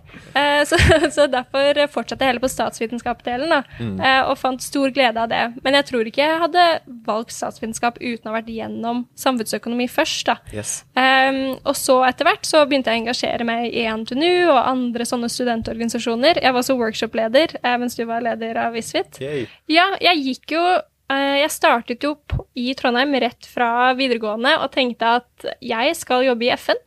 Jeg skal gå den liksom internasjonale eh, politikkveien, og hadde en ganske klar plan for hvordan jeg skulle gjøre det. Eh, og den planen endret seg jo veldig etter hvert som jeg lærte at eh, det nok ikke var så veldig gøy. Eh, Jeg skjønte litt mer hva det innebar å være praktikant ved en ambassade, f.eks., eller hva den karriereveien egentlig innebar. da. Eh, og så tenkte jeg ok, kanskje jeg skal jobbe innenfor bistand. Eh, så da var det det jeg tenkte at jeg skulle jobbe med. Um, og så møtte jeg jo den gjengen ved EANTNU, da. Jeg fant ut at ja, kanskje det er bistand, men kanskje det også er andre ting jeg kan eh, jobbe innenfor. Og om jeg skal jobbe innenfor bistand, så er det eh, ulike tiltak som er mye mer effektive enn andre, som jeg burde være obs på. Og da fikk jeg erfart det. Um, så jeg tror eh, det som er felles med i hvert fall min bakgrunn, da, er at jeg har eh, feilet Altså jeg har testet og feilet litt her og der. Eh, men så har jeg også prøvd å ta initiativ for å få mest mulig ut av de mulighetene jeg har hatt. Så da jeg var med i NTNU, så eh, forsøkte jeg å ta initiativ om å starte egne prosjekter og sånne ting. Eller jeg var nestleder av FN-studentene, eller eh, sånne ting som jeg tror også er viktig for å få mest mulig ut av studietiden. da.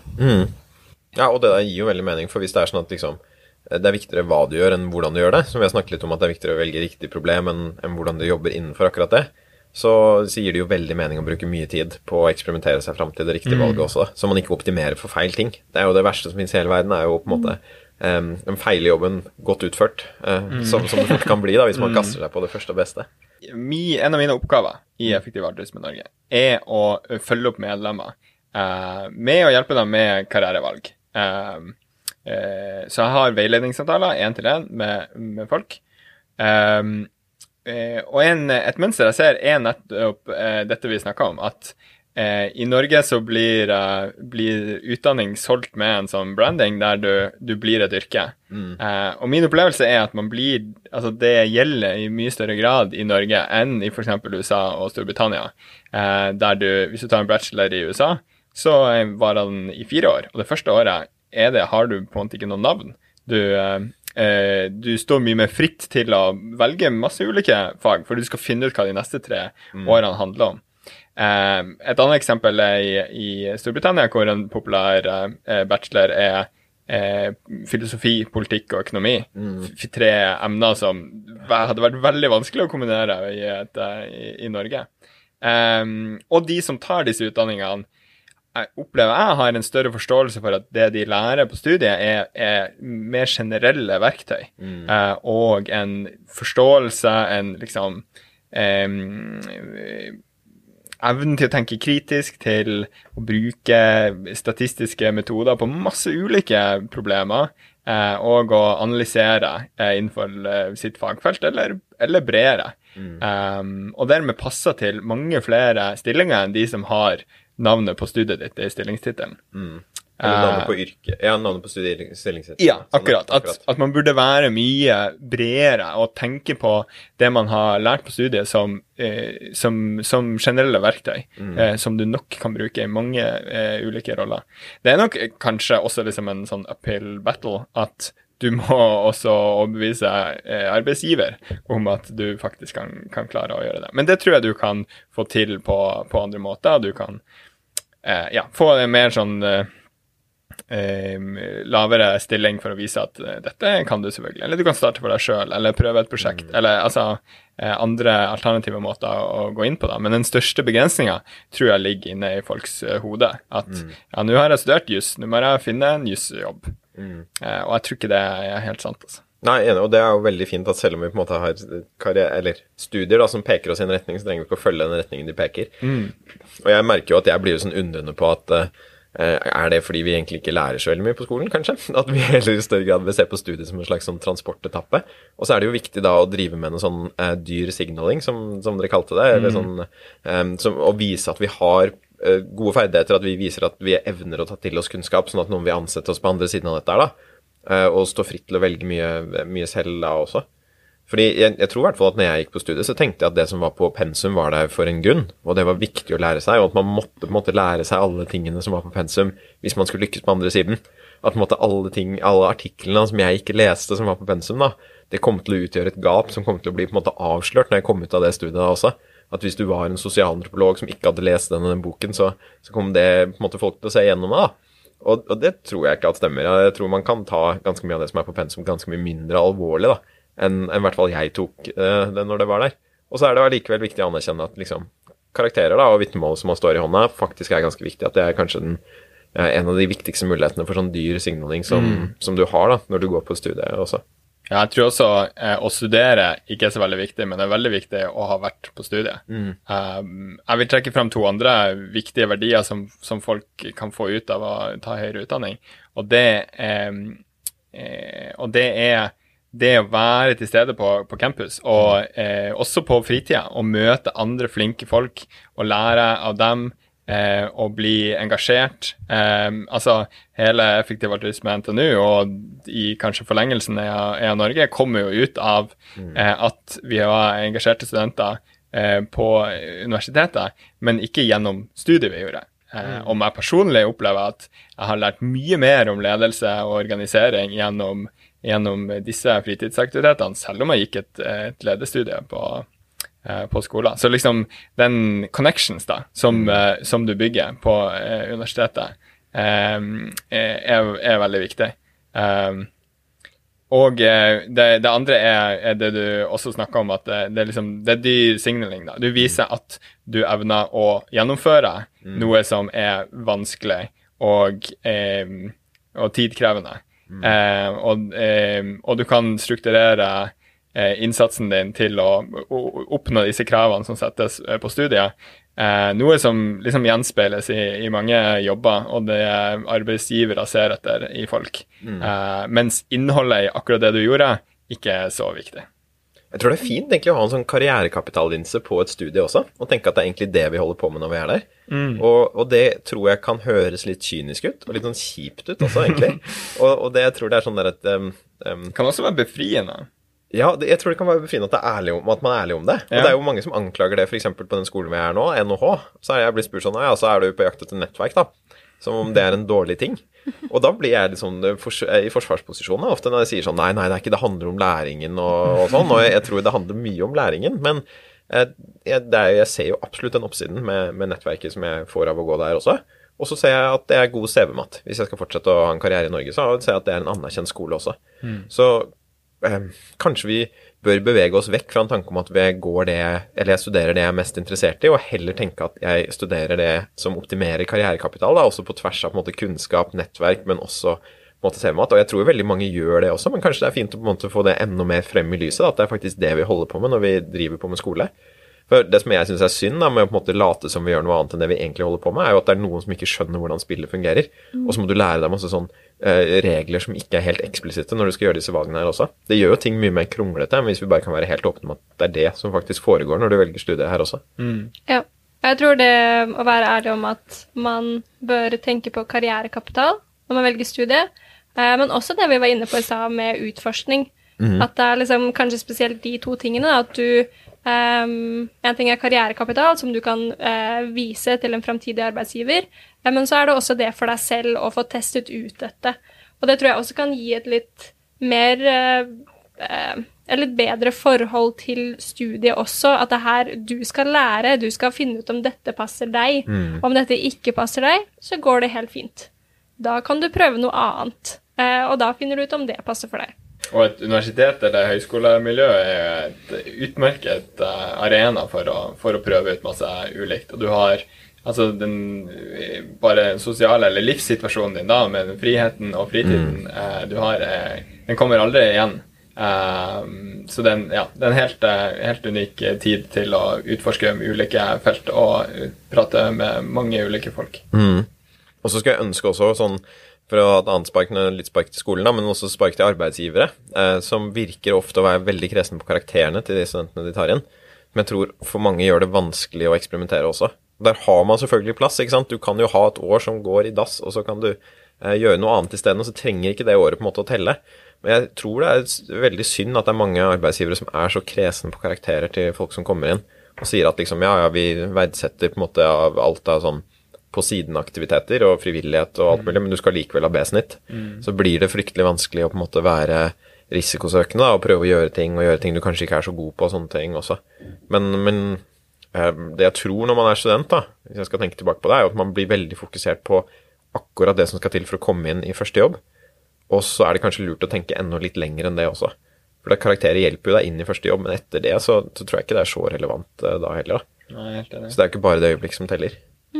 Jeg tenkte vi skulle gå litt sånn videre inn på mer karriereråd. For at eh, på EA-siden så, så er det jo annet en spalte som heter Anonyme karriereråd, som jeg syns er ganske kul. Da, hvor det er folk som, som spiller en del karriereråd hvor de ikke vil si hvem de er. fordi at det er kanskje litt karriereråd som ikke er så flatterende, eller som er litt overdreven kyniske, eller, eller hva det er for noe. Jeg syns det er ganske mye gode ting der. Og så har jeg også vært gjennom en Twitter-feed til Adam Grant, hvor han la ut uh, um, noen eksempler på de verste karriererådene han har fått. Og, og jeg har samlet de sammen her på en liste, og jeg tenkte å ha litt sånn quiz på dere. Og eh, quizen heter 'Dårlig eller bra karriereråd'. Så jeg tenkte jeg skulle lese opp forskjellige karriereråd, og så vil jeg gjerne høre dere svare bra eller dårlig. Og også gjerne da med en begrunnelse da, eh, på den. Så vil dere være med å leke bra eller dårlig karriereråd? Ja, ja, ja. Første karriereråd follow your passion. Det vil jeg si er dårlig karriereråd. Er Dårlig. Det er- Det er et dårlig karriereråd, fordi det høres ut som passion skal være en stabil greie. Og de tingene jeg var opptatt av, i alle fall, for, eh, for ti år siden, eller eh, whenever jeg sk- skulle velge studie, eh, ikke de samme tingene som jeg er opptatt av i dag. Ja, Da hadde du kanskje blitt i Roma, da, eh, og studert eh, historie og filosofi. Det kan være. Så det var bra du ikke follow your passion, og hvis du hadde gjort det, så hadde du kanskje mistet din passion også over tid også. Ja, og jeg tror, jeg tror det speiler litt på det du snakka om i stad, at det er en, noe du i mye større grad enn en folk tror kan utvikle sjøl. Altså, det, dette betyr ikke 'gjør det du syns er kjedeligst i verden'. Gjerne bytt fra samfunnsøkonomi hvis du, hvis du ikke syns det er gøy. Men, eh, eh, men jeg tror eh, det å jobbe seg god på noe eh, som du har kanskje bare medium eh, engasjement for eh, tidlig, det gjør at det blir, eh, det blir en slags passion etter, etter hvert. Kult, så passion kommer som et resultat av eh, at man jobber med det. Og da er det liksom greit å, jobbe med å løse et viktig problem, da. Og bli passionate på det. Neste karriereråd. eh, don't go backpacking. Jeg har lyst til å si dårlig bare fordi det det er så bestemt at du absolutt ikke skal gå backpacking. Jeg er litt usikker på hvor mye du kan få ut av det, men samtidig så tror jeg dersom du Jeg tror du kan gjøre det på bedre måter, da. For eksempel det å eh, gjøre det bare for å erfare, eller for å knytte nettverk, eller at du opplever at du trenger den tida, f.eks. å tenke på karriere, eller bare tenke på noe helt annet. Det høres sunt ut. Eh, Det høres ut som det kan være bra for din mentale helse, men om, jeg tror ikke nødvendigvis det er eh, det karrieresteget du bør ta for å nå på den og den jobben, da. Mhm. Hva med deg, Jørgen? Usikker, men hvis jeg er litt polemisk, så vil jeg si at det er et godt uh, råd. Ja.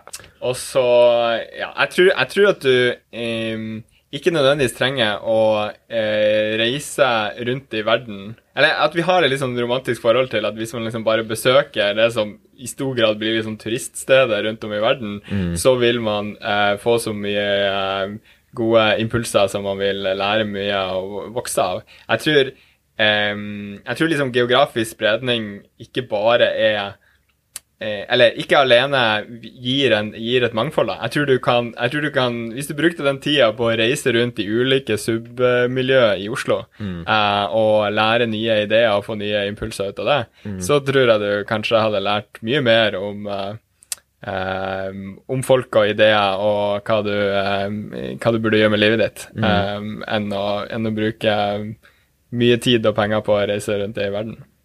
Ja, For å bare chippe inn der, da, som, for jeg, jeg backpacket jo et halvt år. Og jeg, jeg tror jeg gjorde det på en måte som var ganske risikoavers, for jeg gjorde det mellom jobber. Jeg sluttet en jobb en, en jul, og så startet jeg en ny jobb i august eh, etterpå. Og da var det ganske safe å backpacke.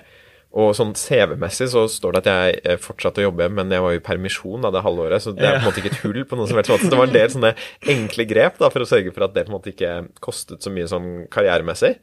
Jeg opplevde at det var eh, mer frihet og rom til å gjøre det enn jeg hadde trodd på forkanten. Jeg trodde det var et veldig eh, risikofylt grep å bare reise og være borte et halvt år. Og fikk en veldig respons fra medarbeidere, og særlig de eldre. om at dette her eh, tenker jeg selvfølgelig skal du gjøre det, var det de på en måte sa da også. Og det var jo i, i Deloitte, som er på en måte et, et sted med ganske mye karrierebevisste um, mennesker. Så sånn sett tenker jeg ja, men så er det noe i det du sier da om at ja til å utforske og prøve nye ting og se verden fra andre måter og oppsøke miljøer hvor folk tenker annerledes enn deg selv, på en måte, som jeg tror er noe man kan få av å backpacke. Men det trenger ikke å være på en måte, du trenger ikke å bevege deg så veldig langt geografisk for å gjøre det. da. Og jeg tror bare hvis du reiser rundt i din egen blokk, så kan du kanskje gjøre det. Eller reiser rundt i forskjellige ideer også, så kan, kan du gjøre det også. Så det er jo mange måter å utforske på. Så jeg er helt enig i den romantiske tanken som vi kanskje har på at så lenge vi kommer ut i verden, så skjer det noe magisk. Og det er jo liksom, Hvis du er i backpacking-miljøer, så er det egentlig et ganske homogent miljø ofte også. Mm. Så, så det er jo begrenset hvor mye variasjonen er. da. Altså Maksimal geografisk bevegelse er ikke det som egentlig gir eh, maksimalt eh, med inntrykk heller. Eh, neste karriereråd. Spesialisering er bedre enn generalisering. Det vil jeg si er et godt karriereråd, men kanskje ikke for alle. Jeg tror ikke man burde spesialisere seg innenfor feil ting, og det er det større fare for at man gjør, og man gjør det tidligere i karrieren, for da vet du ikke hva du er god på, du vet ikke hva du liker. Kanskje du ikke har fått tenkt nøye gjennom ennå hvilke saksområder som er viktige for deg, og da kan det være dumt å spesialisere deg, for da får du færre alternativer i framtiden. Men jeg tror det er bedre å være veldig dyktig på én ting, mm. sånn generelt, da. Så det, ja, sånn sett så vil jeg si at det er et godt karriereråd. Så lenge du klarer å spesialisere deg riktig, ja. Ja. Ja, Nei, men eh, bra. Ja, jeg er helt enig i at det handler om timing. Eh, ja, spesialisering er nok det som i, i det store og hele vil, vil stå for mesteparten av, av innsa- eller impacten du, du skaper gjennom en karriere, men ikke gjør det for tidlig. Um, og utforske og vel, lære om verden og deg sjøl før, du, eh, før du spesialiserer deg. Og spesialisering er jo noe som tar tid. Altså, Å virkelig bli ekspert på noe betyr jo at du må jobbe med det og, eh, og, og, og gå dypt inn. Så det kommer nok litt av seg sjøl, altså. Jeg tenker på en sånn analogi her som også kommer fra oppstartsverden, da, eller den boka som heter The Lean Startup, hvor de snakker om at når du skal skalere som en virksomhet, så bør det følge en, en form som ligner på en hockeykølle, en hockeystikk, som er på en måte flat i starten, og så får den på en måte en, en knekk på slutten hvor det på en måte går veldig bratt oppover. Og kanskje man kan tenke på skalering på samme måten, for det du prøver å optimere for i tidlig fase med en startup, før du på en måte vil at det skal gå bratt oppover, det er læring. Så du prøver så lenge som mulig å bare lære og se hva er det som funker, hva er det som ikke funker, hvordan er det vi kan forbedre ting. Og når du har funnet noe som funker bra, så prøver du å skalere inntektene dine. Så kanskje man kan tenke på det på samme måte når man har en karriere også, at du prøver å generere læring og er bred og alt mulig, og når du først finner her er det et eller annet da, som jeg kan optimere for, så prøver du å på en måte spesialisere deg så mye som mulig der, da. Det er jo vanskelig sikkert å finne ut når er det jeg bør gå for det, på en måte. Når er det knekkpunktet her er, da et, når er det jeg på en måte bør kutte ut utforskningen, og så på en måte spesialisere meg for det? Det kan jo hende også man bør prøve å gjøre ting begge samtidig også, da. Ha 20% utforskningstid og 80% tid hvor man spesialiserer seg og sånt også. Ja, jeg tror, eh, jeg tror det siste poenget er, er godt at man må eh, aldri slutte å utforske helt. Um, og så tror jeg at er et viktig poeng er at ja, ja, hvis, hvis man sier du må vente til du er sikker på før du spesialiserer deg, så tror jeg det er veldig lett å bli sikker for fort. Og at du eh, i- ikke i alle fall burde eh, lene deg på liksom egen overbevisning uten eh, ekstern input, og at du har, har noen eh, andre holdepunkter, eh, eksterne holdepunkter for, for at ok, nå har du virkelig funnet noe som du er god på før du, før du eh, kommer til knekkpunktet ved hockeystick-grafen. Neste greie er um, drop 90% of your projects. Den Ja, det er godt råd, altså. det er godt råd? Ja. Det er jo sånn spesialisering. Ja men, det er, ja, men det tror jeg nesten du kan tenke at du skal gjøre selv om du skal være utforskende. Jeg tror det er bedre å legge uh, mer tid bak et par prosjekter som du har lyst til å utforske, enn å prøve å gjøre masse. En av mine favorittbøker i år har vært 'Essentialism' av Greg McKeown? ja. Eh, budskapet hans er jo kjempeenkelt. Bare gjør det som teller. Du skal gjøre så få ting som mulig. Det er jo kjempevanskelig å leve etter, mm. men jeg tror absolutt det er noe flere kan streve etter. Jeg tror det er et veldig godt budskap, og så tror jeg det er litt på hvor du er i livet. Og eh, jeg tror det kommer en tid hvor du bør skru over og bli en essentialist, altså på en måte prøve å gjøre færre ting og skikkelig bra. Så tror jeg kanskje tidlig i livet så bør du være litt mindre essentialist, for det er så veldig vanskelig å vite hva, eh, hva de siste ti, hvilke 10% av prosjektene dine som er de riktige, da. Så kanskje man på en måte på et tidspunkt i livet bare bør tenke bredt, gjøre så mye som mulig, si ja til alle muligheter. Um, være ukritisk, egentlig. Og så bør man på et eller annet tidspunkt på en måte skru over og si at ok, men nå skal jeg være fokusert her også. Jeg tror også du kan gjøre mange ting, men bare sekvensielt. Altså eh, at essentially som hovedpoenget der, sånn jeg forstår det iallfall, er at du ikke skal prøve å gjøre for mange ting samtidig.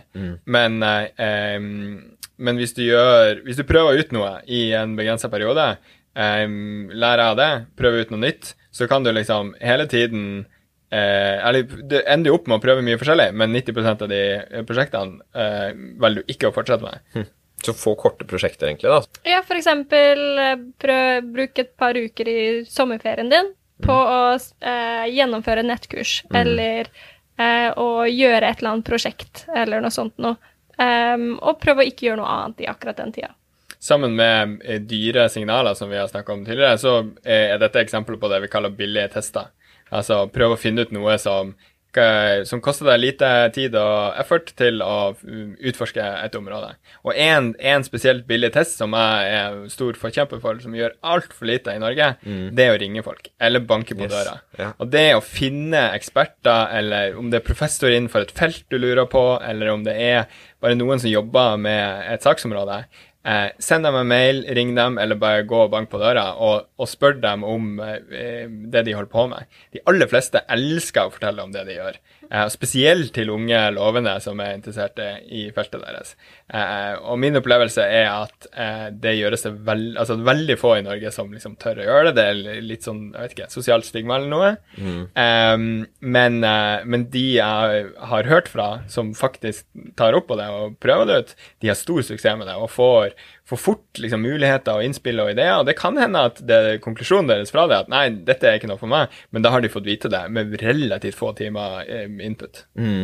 Helt enig. Og det at veldig få gjør det, gjør det jo enda lettere for de Ja. få som prøver også. Det er jo en Absolutt. veldig fin, fort sted å ut. Ja, ikke sant. Nei, jeg, har prøvd å gjøre det et par ganger, og, og denne podkasten er jo litt mitt forsøk på å gjøre det også, egentlig. For dette er jo en glimrende måte å kunne invitere seg inn hos folk og, og snakke med folk om, om ting også, da, som også gir en verdi på egentlig for alle involverte, da. For jeg tror det er mange som er interessert i å være med på dette her, og det kan være en god måte for mange å bre sitt budskap på også. Men uh, mange sier ja, altså, til, til sånn som dette. Uh, neste. Vær strategisk heller enn å gjøre det som er mest gøy når du skal uh, velge eller gjøre karrierevalg. Det er et uh, godt karriereråd. Men jeg tror det, hvis du prøver å være strategisk og oppleve den mestringsfølelsen det gir over tid, så blir det også gøy. Er kanskje ikke det som er mest gøy, eller kanskje det som er, du tror er mest gøy, hvis det er det du går inn for. Det blir ikke så veldig gøy i lengden.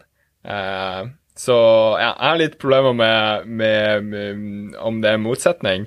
Men hvis du liksom skal sikte på noe, så tror jeg det er lurt å være strategisk. Ja, jeg er enig. Igjen så kommer vi litt tilbake til hva er egentlig gøy.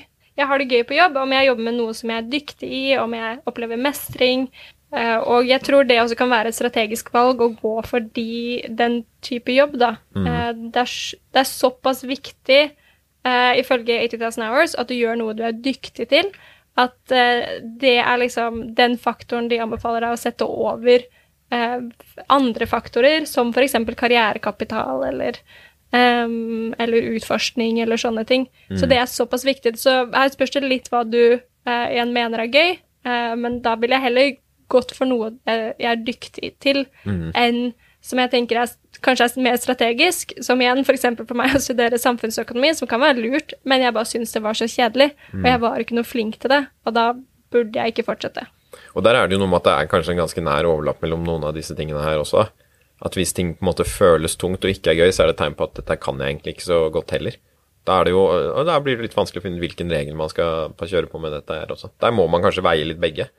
Har dere andre karriereråd som dere tenker er skikkelig gode eller skikkelig ræva? Kanskje kanskje mitt fremste, eh, og som en bakgrunn for alt det andre vi snakker om og vi kan, det er å gå inn på 8000hours.org Yes. og bruke eh, ressursene deres.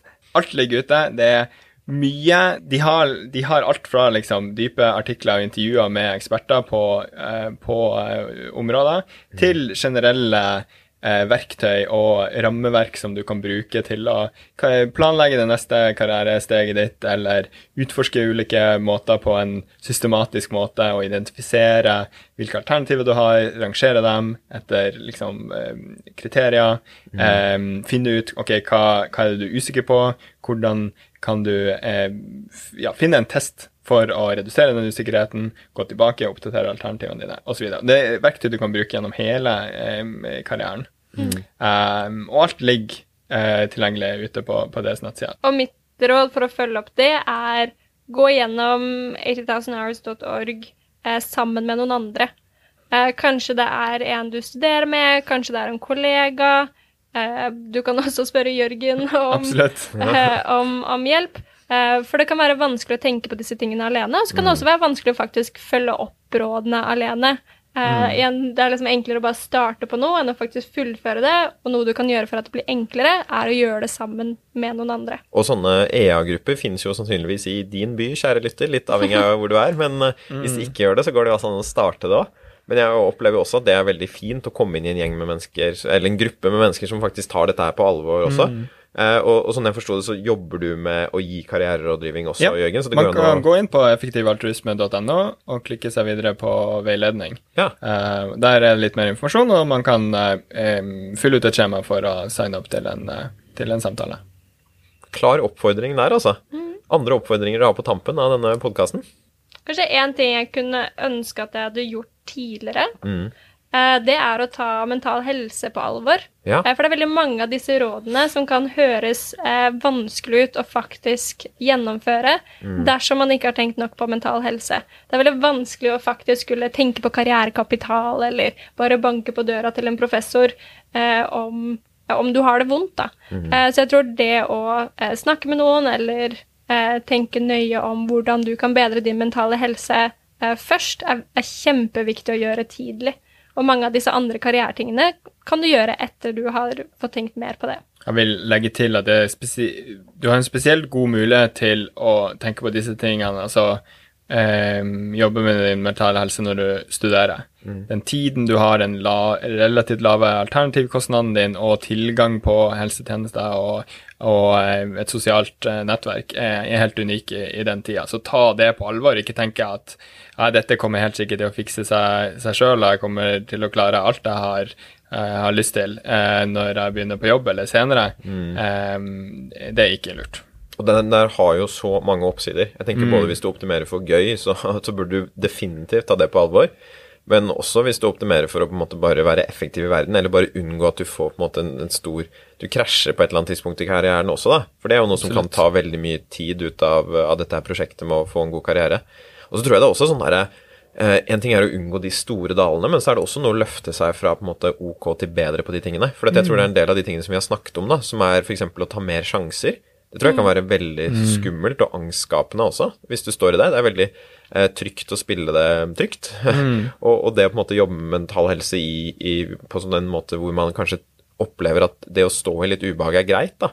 Det tror jeg kan være ganske sånn viktig også. Og hvis man snakker med dette her med å banke på dører og ringe fremmede mennesker også, så tror jeg det er noe som jeg hadde opplevd som utrolig skummelt, da, for å si for en, en ti år siden også. Det krever en del sånn eh, mot, og at man tør å gå inn i situasjoner som på en måte kan være litt sånn kleint, eller at de er litt sånn sosialt risikable også, da. Men jeg også tror jeg taler for veldig å, å ta det der på alvor også. Er, det, er det noe dere i EA jobber med også, å hjelpe folk på en måte å kunne jobbe med mental helse, eller er det da på en måte å henvende seg til eh, sin nærmeste venn eller psykolog som er eh, løsningen?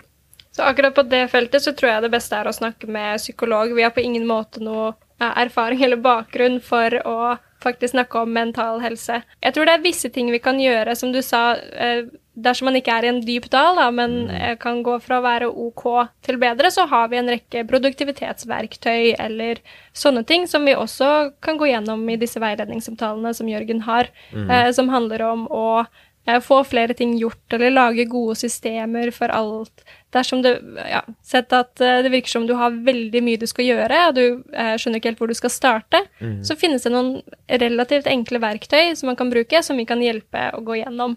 Men om det er på et dypere nivå enn det, så anbefaler jeg i stor grad å snakke med en psykolog.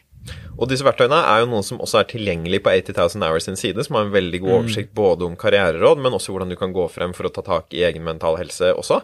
Så jeg tenker vi kan egentlig avslutte med en oppfordring til det, da, for alle som er interessert i karriere, og interessert i en meningsfull karriere, og, eh, og som ønsker å ta disse problemstillingene på alvor, da, både for å gjøre en forskjell i verden, men også for egen opplevelse av mening, og også eh, egen opplevelse av å ha det bra på jobb, så anbefaler jeg alle å klikke seg inn på 80,000hours.org sine sider, og, og lese karriereguider der som er både store og små i de størrelsene som passer til deg selv.